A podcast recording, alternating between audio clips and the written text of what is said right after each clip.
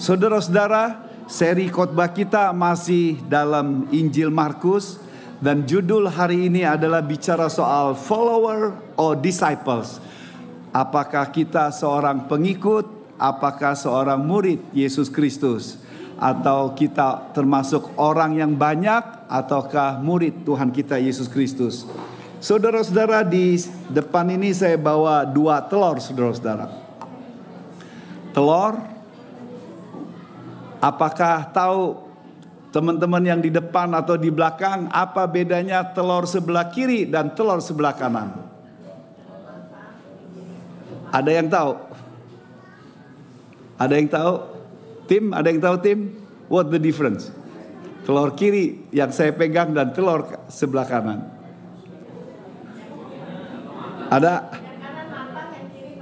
Oh, yang tahu matang, taunya gimana, Ci? wow, malah bagus. Kalau chef beda barangkali. Iya, yeah, luar biasa. Vin tahu Vin yang di belakang? Gak lihat, gak tahu perbedaannya ya, terlalu jauh sekali. Saya rasa mamanya Stefani bilang yang benar. Memang ini yang matang, yang ini yang tidak matang. Yang ini berisi, yang ini kosong saudara-saudara. Ah, jadi kasih tepuk tangan untuk. Ya. Tapi poin saya saudara-saudara kasih ilustrasi telur ini adalah sama seperti kita ikut Tuhan, kita ini murid ataukah pengikut? Apakah kita ini berisi atau hanya ikut-ikutan? Apakah kita telur yang berisi ataukah hanya telur yang kosong? Semakin kita mendekat, semakin kita akan tahu siapa diri kita. Dan orang-orang di sekitar kita pun tahu siapa sesungguhnya diri kita. Jadi saudara-saudara, topik ini adalah topik yang sangat menarik. Dalam Markus pasal 3 ayat 7 sampai 19 ini adalah topik yang sangat menarik yang perlu kita pikirkan secara serius. Ini cerita bukan pada masa lampau, ini cerita sangat relevan dengan saudara dan saya sebagai mahasiswa, sebagai keluarga, sebagai pekerja, sebagai pelayan Tuhan yang ikut Tuhan. Bukan berapa lama kita ikut Tuhan, tapi pertanyaannya adalah seberapa kualitas kehidupan kita ketika Tuhan melihat hidup kita.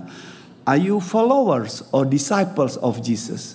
Ini pertanyaan yang serius yang perlu kita jawab, yang perlu kita perhatikan baik-baik. Biar kita belajar dari bagian ini sehingga saudara pulang kita semua punya komitmen dan gereja kita punya komitmen supaya kita menjadi pengikut Yesus Kristus yang sejati bukan asal-asalan. Markus 3 ayat 7 sampai 19. Mari kita bahas yang pertama Saudara-saudara, followers, pengikut. Lalu kemudian ayat 3, uh, 2 uh, ayat selanjutnya ayat 13 sampai dengan ayat 19 berbicara soal murid Yesus Kristus. Saya berusaha untuk menjelaskan bagian ini dan juga mengambil prinsipnya apa ciri-ciri daripada followers, apa hakikatnya dan apa ciri-ciri dan hakikat daripada seorang murid yang sejati. Coba perhatikan followers ayat 7 sampai ke 12. Demikian firman Tuhan. Kemudian Yesus dengan murid-muridnya menyingkir ke danau dan banyak orang dari Galilea mengikutinya. Juga dari Yudea, dari Yerusalem, dari Idumea, dari seberang Yordan, dan dari daerah Tirus dan Sidon datang banyak orang kepadanya sesudah mereka mendengar segala yang dilakukannya. Ia menyuruh murid-muridnya menyediakan sebuah perahu baginya karena orang banyak itu supaya mereka jangan sampai menghempitnya sebab ia menyembuhkan banyak orang sehingga semua penderita penyakit berdesak-desakan kepadanya hendak menjamanya. Bila mana roro jahat melihat dia, mereka jatuh tersungkur di hadapannya dan berteriak, Engkaulah anak Allah. Tetapi ia dengan keras melarang mereka memberitahukan siapa dia. Saudara-saudara, perhatikan dalam nats kita, saudara-saudara. Banyak orang yang datang mengikuti Yesus, bukan saja di daerah Galilea, tapi di seluruh Yudea, Yerusalem, Idumea, sampai Yordan, sampai daerah Tirus dan Sidon. Diperkirakan itu sampai 150 sampai 200 kilometer orang-orang di daerah khususnya Judea dan Galilea dan kota-kota itu datang semua berbondong-bondong. Saudara-saudara, bukan merupakan yang heran ketika banyak orang itu datang.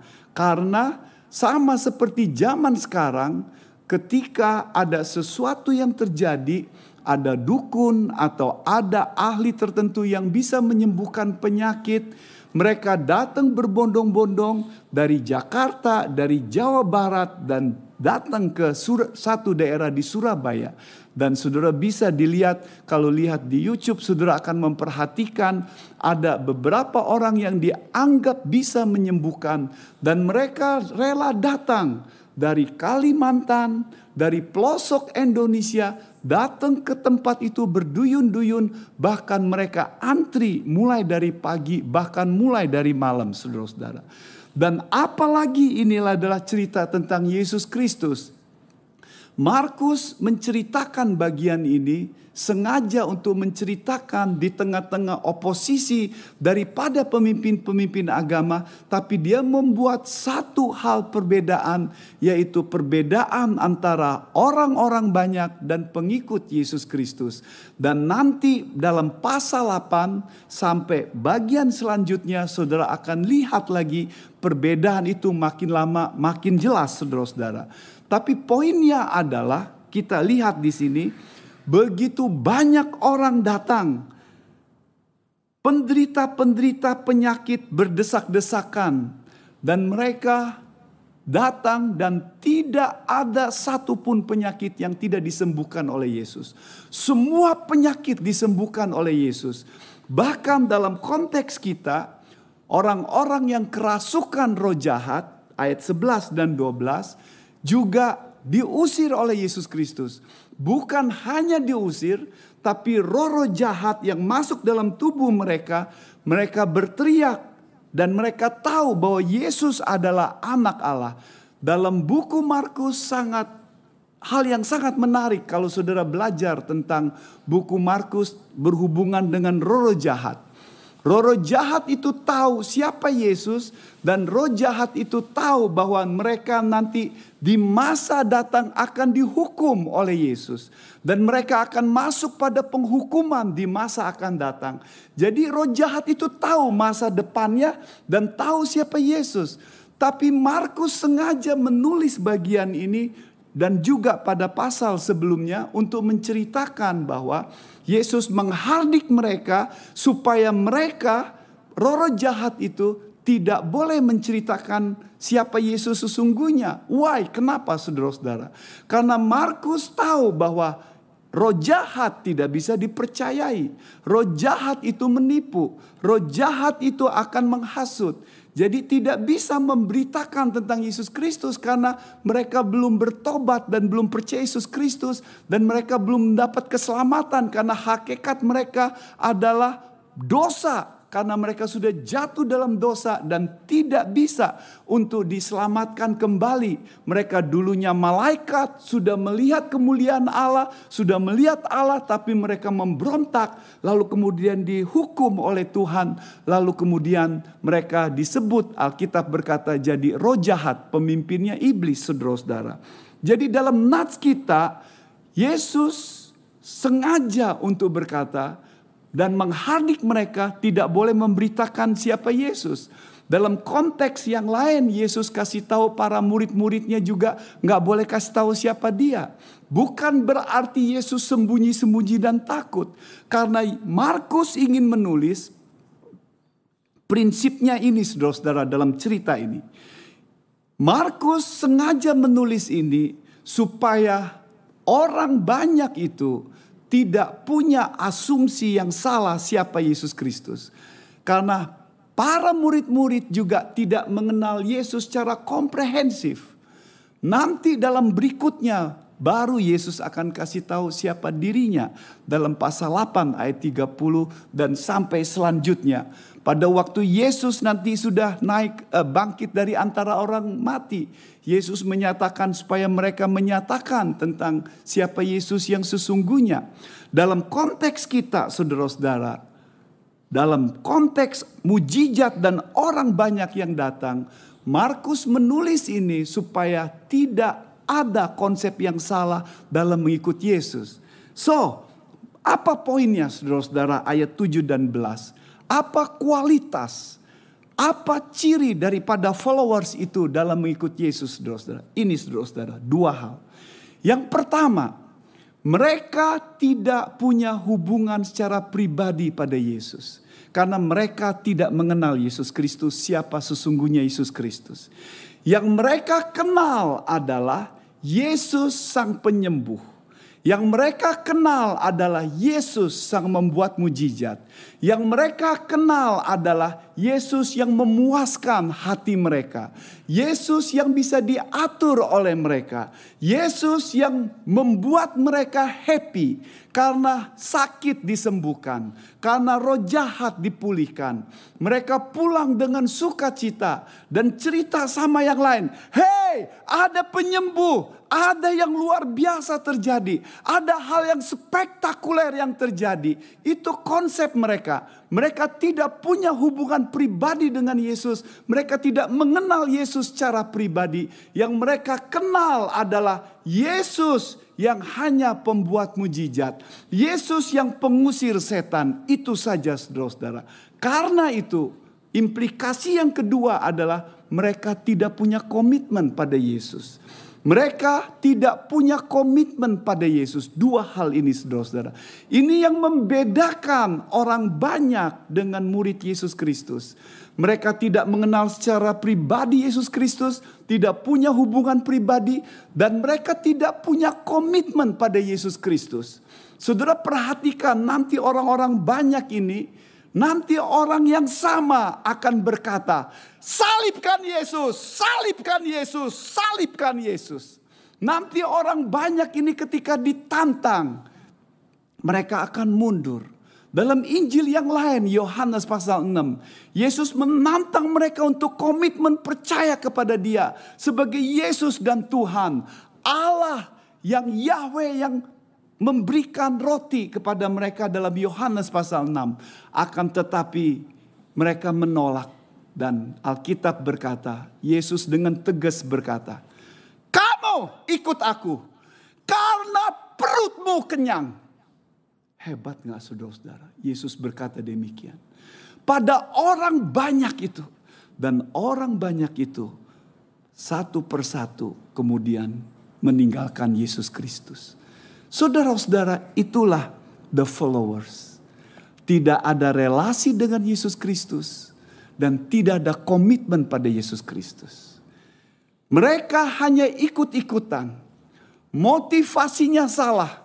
Motivasi ke gereja, motivasi pelayanan, motivasi ikut Tuhan, atau motivasi dalam hal melakukan kegiatan-kegiatan rohani. Mereka tidak mengenal siapa Yesus sesungguhnya. Yang ada dalam benak mereka adalah Yesus yang menjawab doa saya.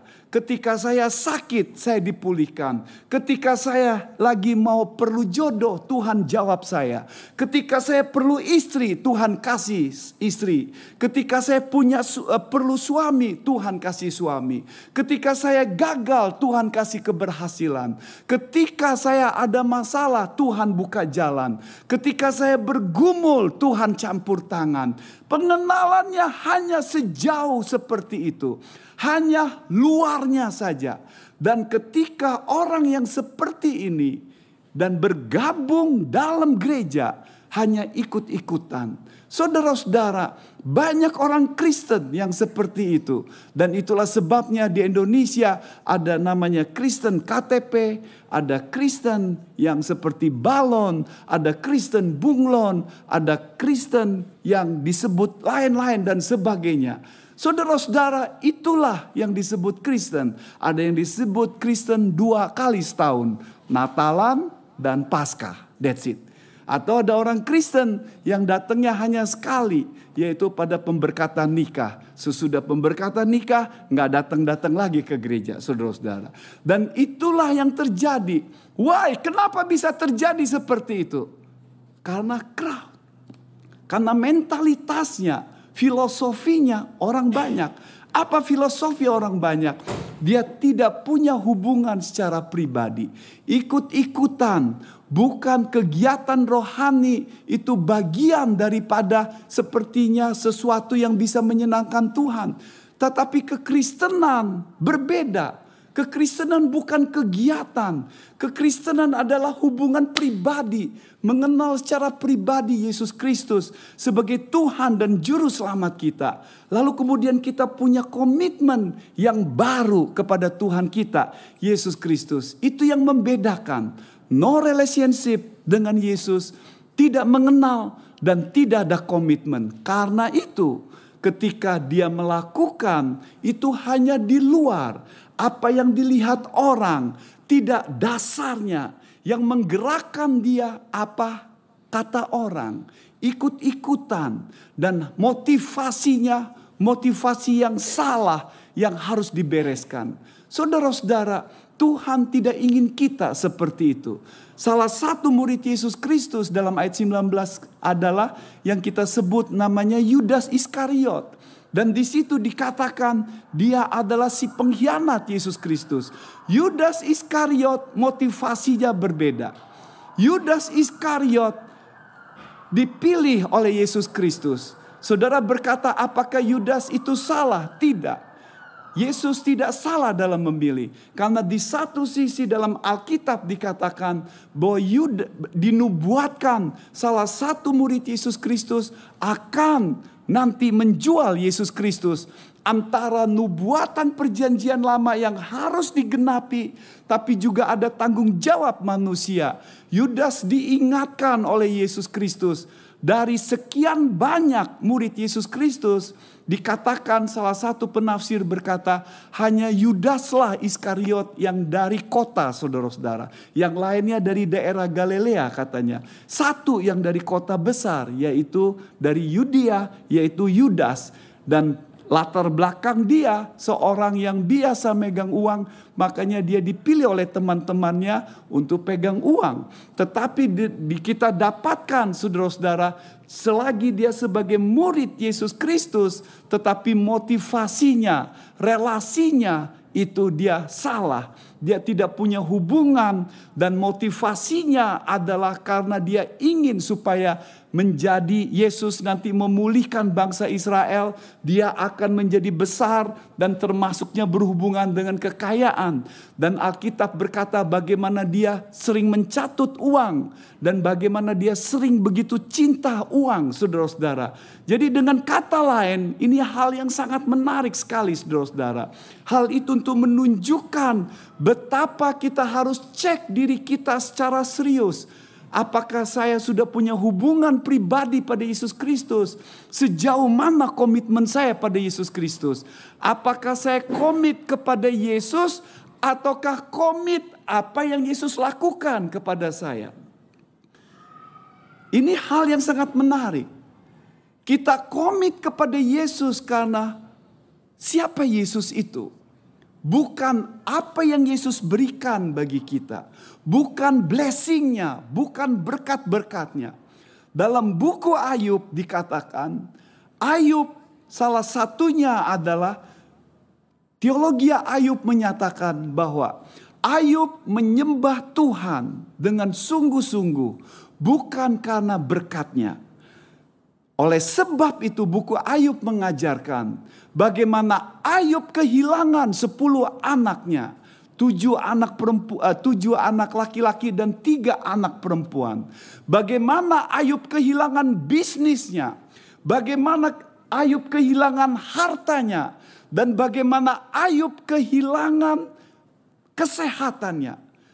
Dari harta, kesehatan, anak semuanya hilang. Buku Ayub mau menyatakan satu dan Ayub menyatakan sama bahwa saya ikut Tuhan bukan asal-asalan, bukan karena berkat, bukan karena kesehatan, bukan karena apa yang Tuhan berikan. Saya ikut Tuhan karena saya menyembah Tuhan saya. Saya menyembah dengan jujur bahwa saya sungguh-sungguh merindukan Tuhan saya. Saya sungguh-sungguh komitmen kepada Tuhan saya. Itu yang mau ditekankan. Orang banyak tidak seperti itu. Orang banyak ikut Yesus Kristus karena ada sesuatu. Karena itulah sebabnya tidak heran ketika banyak orang Kristen zaman sekarang yang ke gereja atau yang dulu ke gereja lalu kemudian terhilang. Dulu pelayanan, sekarang terhilang karena ada sesuatu yang terjadi. Ada sesuatu yang terjadi dalam keluarganya, dalam kehidupannya, doa yang tidak terjawab, ada kesehatannya, ada kegagalannya, dan merasa bahwa Tuhan berhutang bagi dia. Why seperti ini? Saya sudah ikut Tuhan, kenapa seperti ini? Saudara-saudara, beda saudara-saudara dengan orang yang punya komitmen. Followers punya mentalitas yang seperti itu. Why? Karena mereka tidak punya hubungan pribadi dan mereka tidak komit kepada Yesus Kristus sebagai Tuhan dan juru selamatnya. Apa bedanya dengan orang yang kita sebut pengikut Yesus Kristus yang sejati, murid Yesus Kristus, disciples. Mari kita bahas saudara-saudara, the disciples of Jesus. Ayat 13 sampai 19. Firman Tuhan berkata demikian. Kemudian naiklah Yesus ke atas bukit. Ia memanggil orang-orang yang dikehendakinya. Dan mereka pun datang kepadanya. Ia menetapkan dua belas orang untuk menyertai dia. Dan untuk diutusnya memberitakan Injil. Dan diberinya kuasa untuk mengusir setan. Kedua belas orang yang ditetapkannya itu ialah Simon yang diberinya nama Petrus Yakobus anak Jebedius dan Yohanes saudara Yakobus. Yang keduanya diberi nama Boanerges yang berarti anak-anak guru. Selanjutnya Andreas, Filipus, Bartolomeus, Matius, Thomas, Yakobus anak Alfius, Tadius, Simon orang Jelot, dan Yudas Iskariot yang mengkhianati dia. Saudara-saudara perhatikan nats kita sekarang, the disciples, para murid-murid Yesus Kristus. Murid dipilih oleh Yesus Kristus. Lalu kemudian 12 murid inilah yang mendampingi dia. Saudara harus ingat pada waktu itu banyak murid. Dalam Injil yang lain dikatakan ada sekitar 60 murid, ada 120 murid dalam kisah para rasul pasal 1.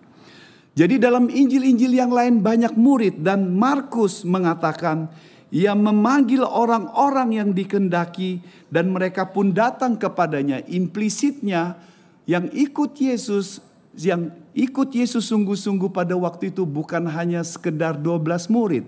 Jadi ada banyak yang lain. Tapi Yesus memanggil mereka secara khusus untuk mendampingi dia dalam pelayanan dipersiapkan supaya nanti melanjutkan ketika Yesus nanti naik ke surga, melanjutkan pelayanan tersebut. Saudara-saudara, yang sangat menarik adalah saudara-saudara dalam bagian ini adalah coba perhatikan beberapa kualitas daripada para murid Yesus Kristus ini. Apa kualitas ciri khas daripada murid Yesus Kristus? Bukan saja ciri khas ini yang ada pada 12 murid, tapi juga ini sangat relevan dengan kehidupan kita. Yang pertama, saudara-saudara, mereka punya komit kepada Yesus Kristus. Perhatikan ayat itu. Ia memanggil ayat 13, ia memanggil orang yang dikendakinya dan mereka pun datang kepadanya. Mereka datang kepadanya. They came to him. Mereka datang dengan sukarela. Mereka datang tanpa dipaksa. Mereka ini adalah orang-orang karena dalam Markus 1 kita dapatkan adalah orang-orang yang sudah ikut Yesus. Petrus Andreas, Yakobus dan Yohanes sudah dipanggil oleh Yesus. Ketika mereka sedang lagi bekerja, Matius orang Lewi lagi bekerja dipanggil. Jadi pasal sebelumnya mereka sudah ikut Yesus.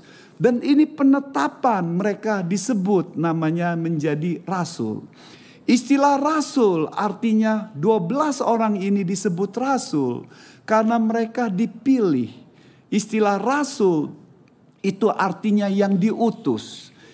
Jadi 12 rasul ini dipilih kemungkinan besar untuk dihubungkan dengan perjanjian lama yaitu 12 12 eh, suku orang Israel. Dan 12 itu kemudian yang dipakai oleh Yesus Kristus. Saudara-saudara, yang sangat menarik dalam bagian kita adalah mereka adalah orang-orang yang sudah ikut Yesus. Mereka orang-orang yang sudah komitmen. Bagaimana kita tahu mereka komitmen? Waktu mereka bekerja, mereka meninggalkan. Mereka dipanggil, mereka tinggalkan. Mungkin ada istri seperti Petrus dan mereka tetap meninggalkan. Dan mungkin istrinya ikut dalam perjalanan bersama dengan Yesus. Melayani juga mempersiapkan makanan termasuk di dalamnya. Tapi yang jelas adalah tidak semua seperti Petrus yang punya istri.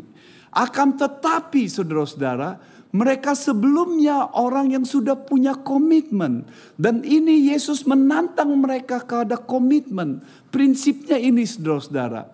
Ketika kita ikut Yesus dengan sungguh-sungguh kasih komit kepada Yesus, maka kita akan kembali akan kasih komitmen lagi lebih dalam dan lebih dalam lagi. Orang yang sudah punya komit akan ikut pada Yesus dengan lebih komit lagi.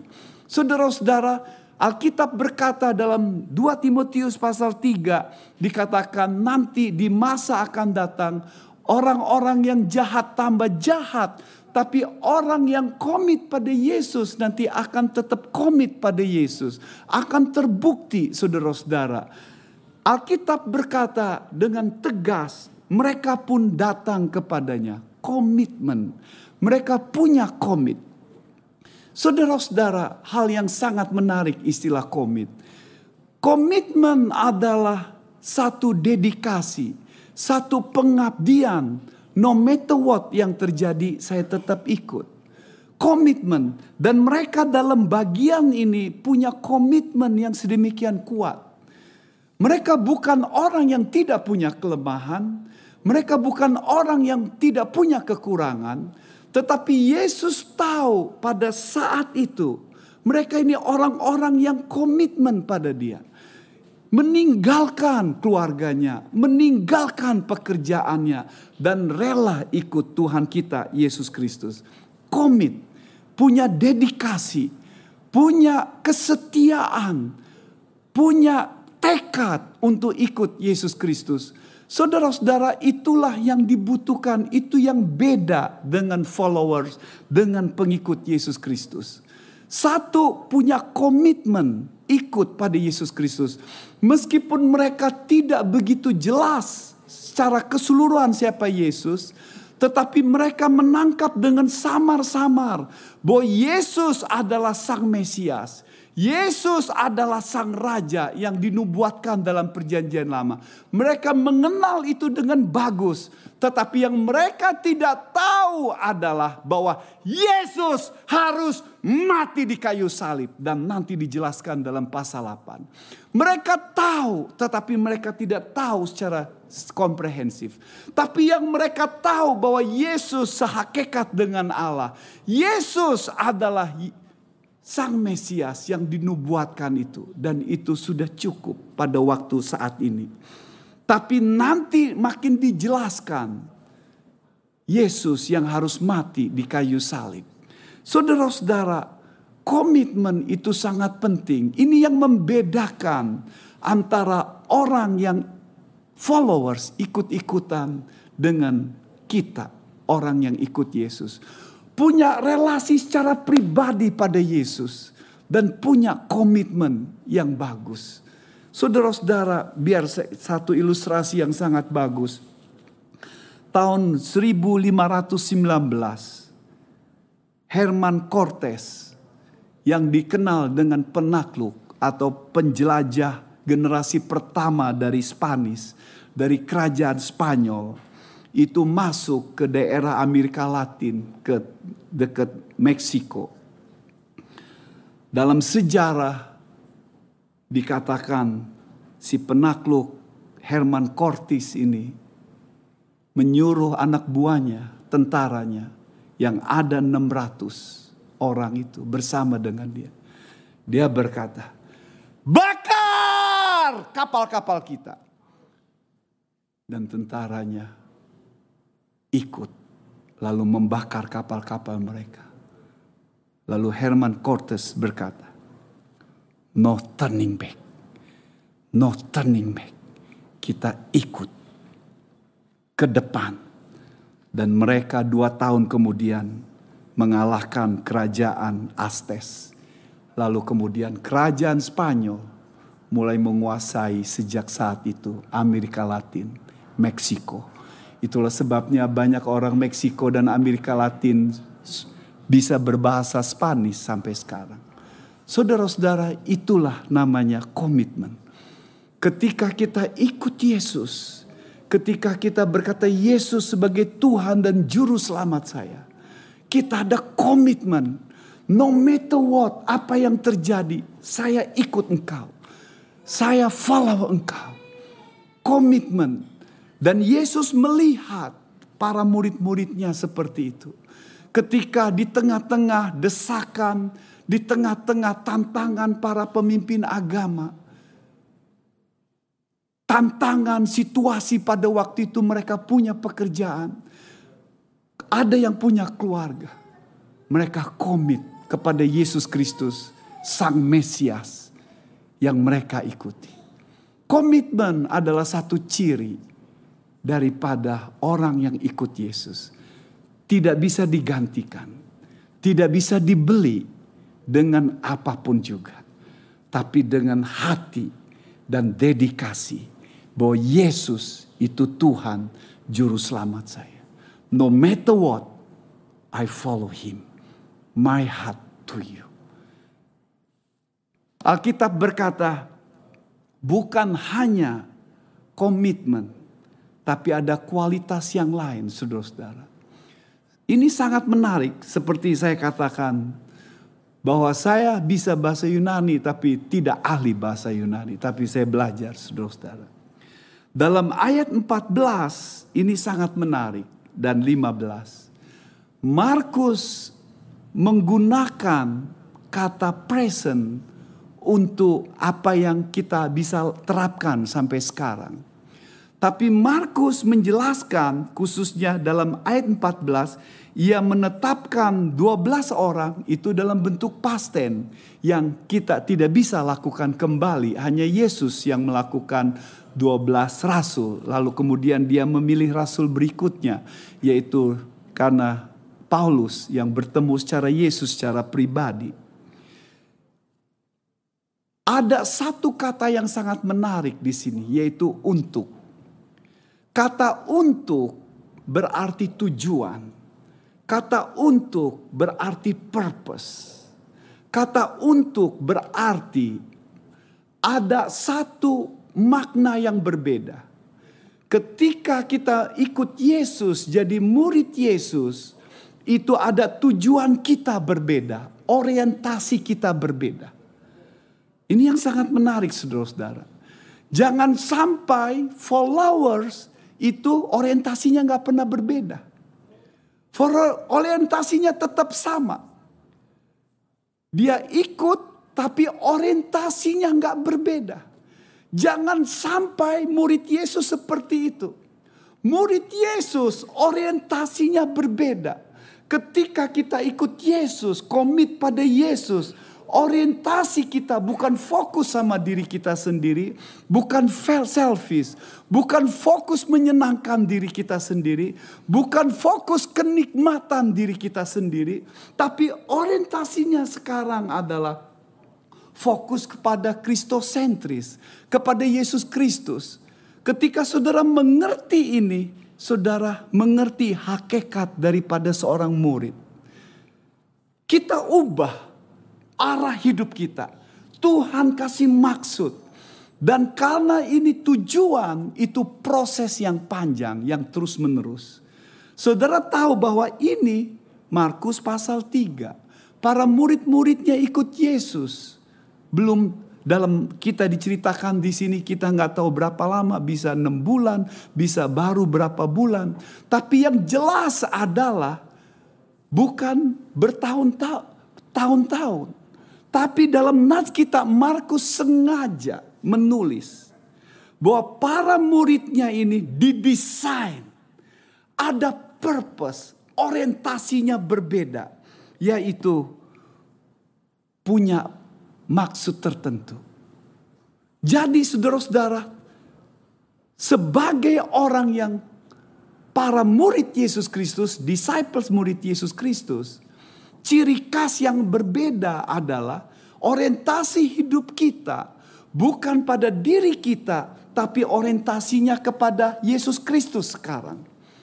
Bagaimana kita makin mengenal Yesus Kristus, bagaimana kita bisa mempermuliakan Dia, dan Markus memberikan seperti ini, saudara-saudara, untuk menyertai Dia. Itu yang pertama, orientasinya. Menyertai Dia berarti bersama dengan Dia, jaga hubungan dengan Yesus Kristus, bersama terus-menerus bersama Yesus Kristus Kristus menyertai dia. Istilah di situ untuk menunjukkan adanya fellowship, adanya hubungan sampai bersama Yesus Kristus. Kata yang dipakai di situ menyertai dia itu bentuk present, menetapkan bentuk past tense untuk menyatakan Markus pembaca-pembacanya itu ketika membaca ini karena ini bentuk dalam present, mereka langsung bisa menerapkan, oh kalau saya ikut Yesus, ini yang harus saya lakukan juga. Karena present itu menjadi gaya hidup yang harus kita lakukan dengan sukacita. Dan para pembacanya juga mengerti itu. Menyertai Yesus. Bersekutu dengan Yesus. Menjaga hubungan dengan Yesus Kristus. Semakin kita terus bersekutu menjaga hubungan dengan Yesus. Karakter kita seperti dia ketika mendengar firman-Nya, ketika kita berdoa, kasih waktu pada Dia, semakin karakter kita seperti Yesus, makin kita berubah. Tetapi ketika saudara tidak ada hubungan dengan Kristus, saudara akan makin jauh. Dan kalau tidak hati-hati, kita akan menjadi diri kita sendiri atau dipengaruhi banyak oleh karakter-karakter setan dan roh jahat yang menguasai hidup kita. Itulah sebabnya followers itu nggak ada hubungan dengan Tuhan Yesus.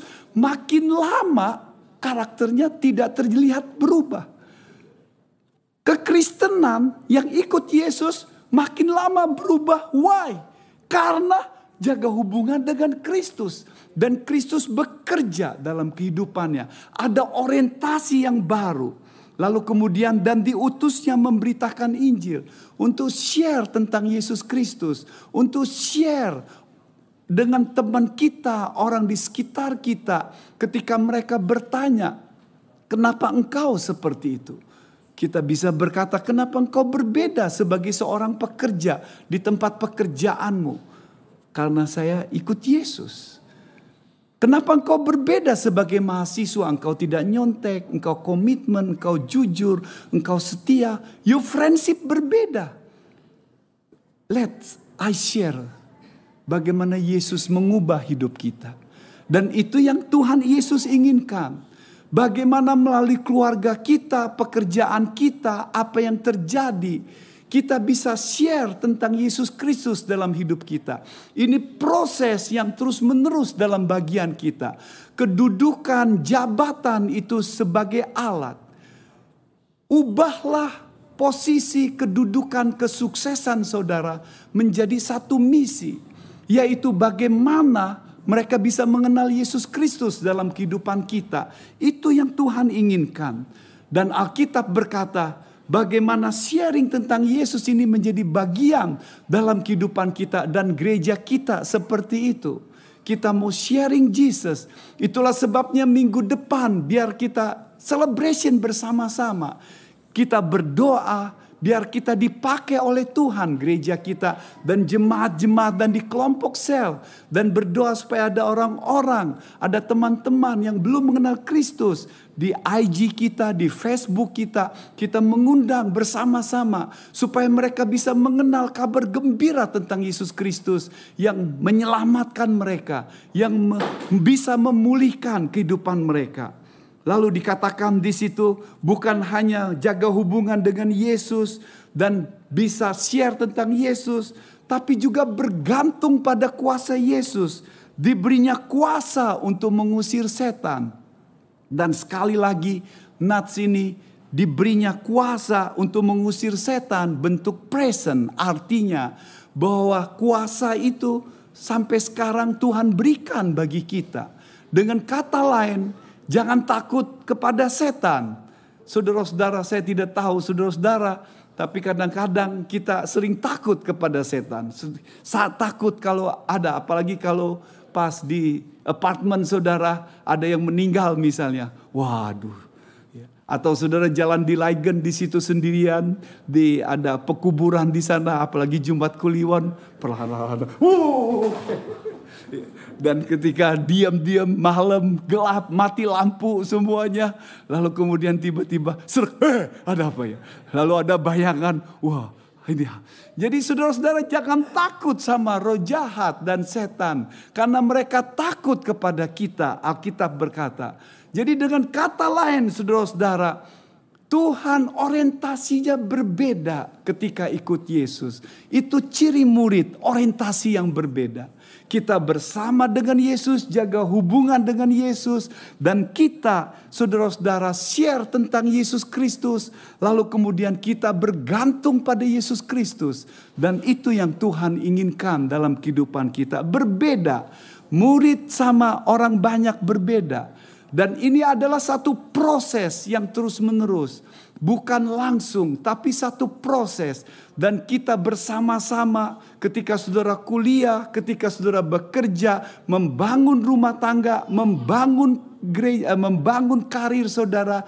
IBC pengen bersama-sama kita sebagai proses membentuk menjadi seorang murid. Saudara-saudara, ayat 16 sampai 19 sangat menarik.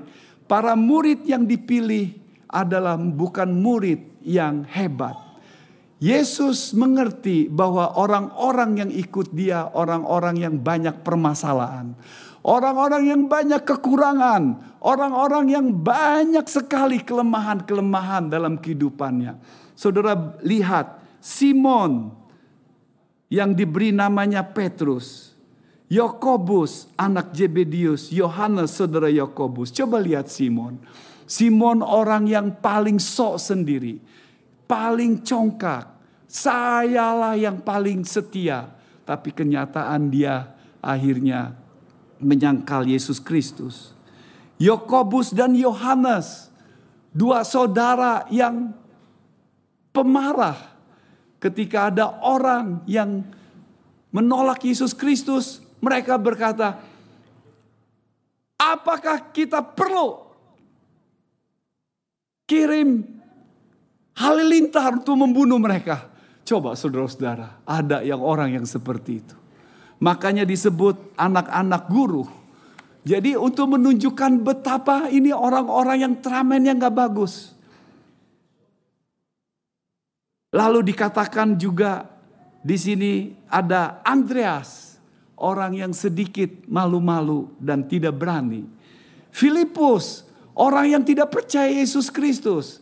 Dalam ketika membuat lima roti dan dua ikan, orang banyak datang.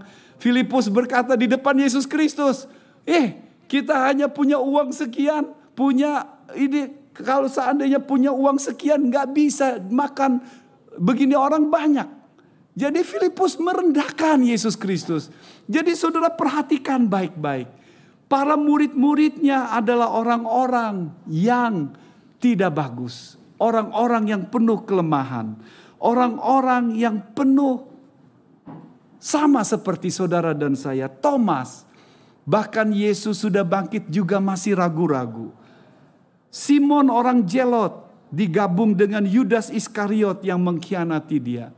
Yang satu adalah Simon orang jelot yang orang yang pengen semangat sekali supaya adanya adanya supaya kudeta orang-orang Romawi itu dikalahkan namanya Simon orang jelot tapi juga di satu sisi ada seperti orang Yudas Iskariot yang suka akan uang. Saudara-saudara, dalam Alkitab dikatakan mereka adalah orang-orang yang penuh kelemahan. Orang yang sama seperti saudara dan saya, tapi Yesus membinanya. Yesus terus sama memberi pengharapan bagi saudara untuk terus maju. Yesus ingin supaya para muridnya mengerti bahwa menjadi murid Yesus Kristus bukanlah orang yang sempurna Sebagaimana apa adanya saudara, datang kepada Yesus. Come to Jesus. Membiarkan kita makin dalam, makin komit kepada Yesus Kristus. Kalau saudara yang belum mengenal Yesus Kristus ikut-ikutan, saudara bertobat dan berubah. Yesus, saya mau percaya engkau sebagai Tuhan Juru Selamat saya pribadi. Dan bagi saudara yang ikut Yesus dan merasa lemah, merasa tidak layak. Yesus sudah melayakkan saudara sebagaimana apa adanya. Mereka adalah orang-orang yang penuh komitmen dan tekad dan orientasi yang sudah berubah. Hanya Yudas Iskariot yang tidak berubah. Sebelas orang itu sama mereka meninggalkan Yesus pada waktu Yesus disalib. Mereka menjauh. Apa bedanya dengan Yudas Iskariot? Petrus menyangkal. Apa bedanya Yudas Iskariot? Yudas Iskariot dia tidak mau bertobat. Dia fokus sama diri sendiri mengakhiri hidupnya. Lalu kemudian dia bunuh diri. Tidak mau datang pada Yesus. His grace. Kasih karunia Yesus Kristus selalu diberikan bagi kita. Dan untuk pengikut-pengikutnya yang ikut Yesus jadi murid Yesus His grace selalu bersedia, tersedia untuk kita juga. Kalau tersedia untuk murid, tersedia juga untuk kita hingga saat ini saudara-saudara. Supaya saudara tahu, biar saya jelaskan.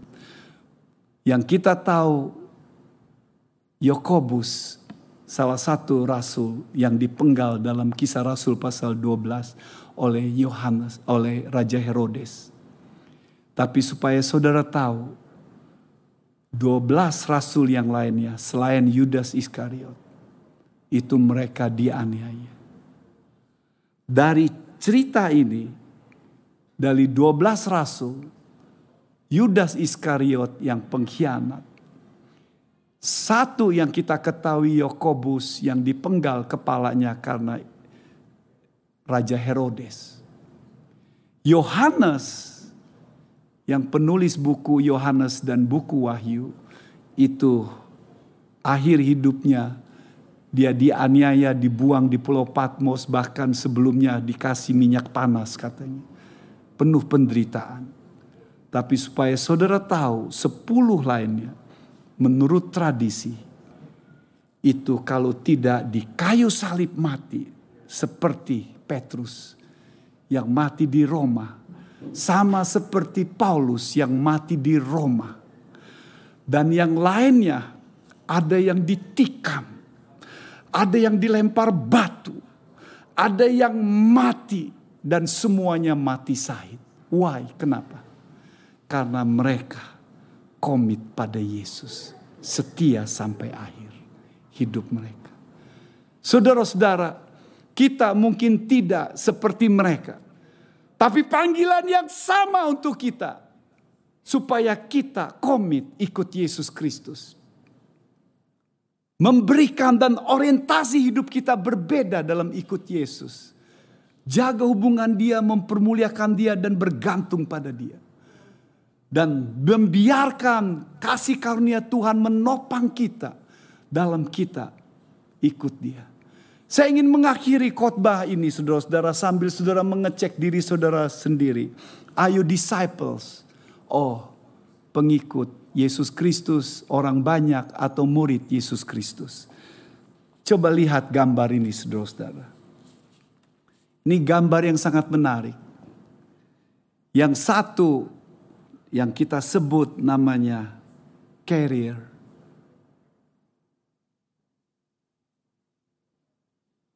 Ship atau carrier untuk kapal-kapal pembom atau kalau di naik kapal terbang itu namanya ada carrier soldier ship untuk plane di mana kapal yang besar dan bisa muat banyak para tentara. Dan di sini saudara lihat kapal yang namanya carrier ship di mana kapal-kapal begitu banyak dan mereka akan nanti ketika untuk pergi untuk berperang atau untuk pergi untuk melihat mengintai musuh itu carrier ship. Yang satu adalah kapal yang konon ceritanya kapal yang paling terbesar di dunia gambar ini. Dalam kapal itu namanya ada kapal persiar. Kapal persiar ini adalah di dalamnya ada olahraga, ada hotel bintang lima, ada makanan yang enak, ada tempat renang, ada olahraga. Dan kapal ini adalah yang terbesar ini ada sekitar 7000 orang yang bisa muat di situ. Dan saudara bisa menikmati semuanya. Apa bedanya? Kalau orang datang ke kapal itu, mereka punya orientasinya untuk enjoy. Mereka menghabiskan uang mereka, mereka untuk kenikmatan. Yang satu, mereka juga punya joy, sukacita. Bedanya mereka punya komitmen untuk berperang, komitmen untuk siap untuk mati. Yang satu komitmen untuk enak-enak, menikmati kehidupan. Saudara-saudara, orang banyak followers ikut Yesus. Mereka tidak punya komitmen pada Yesus. Komitmen mereka adalah seperti datang ke kapal pesiar. Hanya enjoy memuaskan hawa nafsu mereka, menghabiskan apa yang mereka punya. Nggak ada hubungan dengan Yesus. Tapi yang di satu sisi karirship adalah orang-orang Kristen yang datang komit. Komit sedemikian rupa ikut Yesus. Kalau saya mau mati, saya mau mati ikut Yesus. Saya komit apa yang saya bisa berikan untuk Yesus. Karena Yesus Tuhan dan Juru Selamat saya.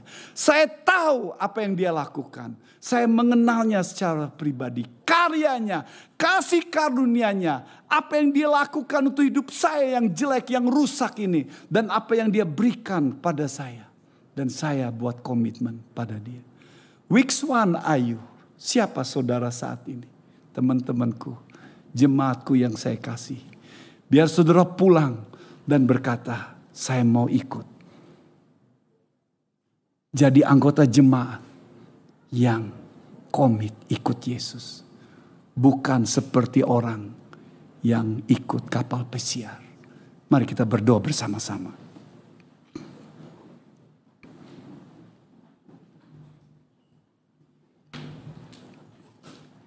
Biar kita duduk dengan tenang. Biar roh kudus bekerja, menjamah, mencelikan, membuka hati saudara.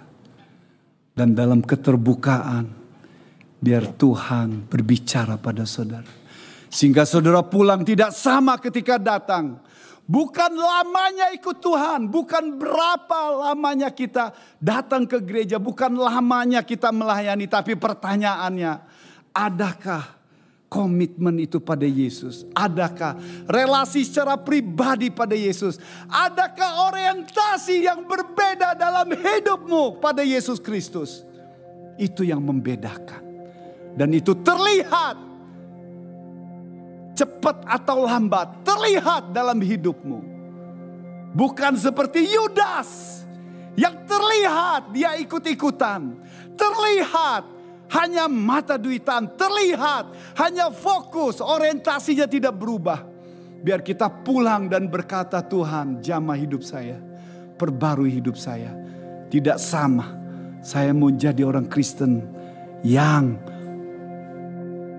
disciples of Christ. Komit pada engkau secara pribadi. Punya orientasi yang berbeda pada engkau ya Tuhan. Sebagai Tuhan dan Juru Selamat saya.